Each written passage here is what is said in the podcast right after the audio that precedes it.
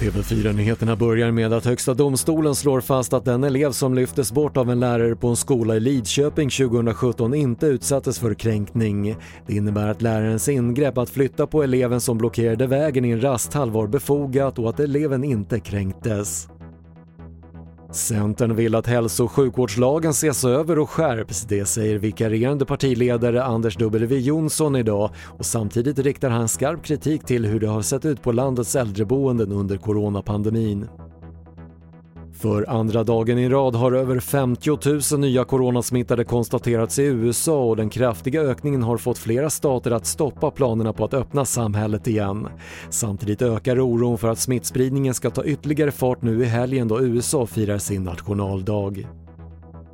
Och svenska barns solvanor har förbättrats under 2000-talet och resultatet kan bli färre fall av hudcancer i framtiden enligt en rapport från Strålsäkerhetsmyndigheten.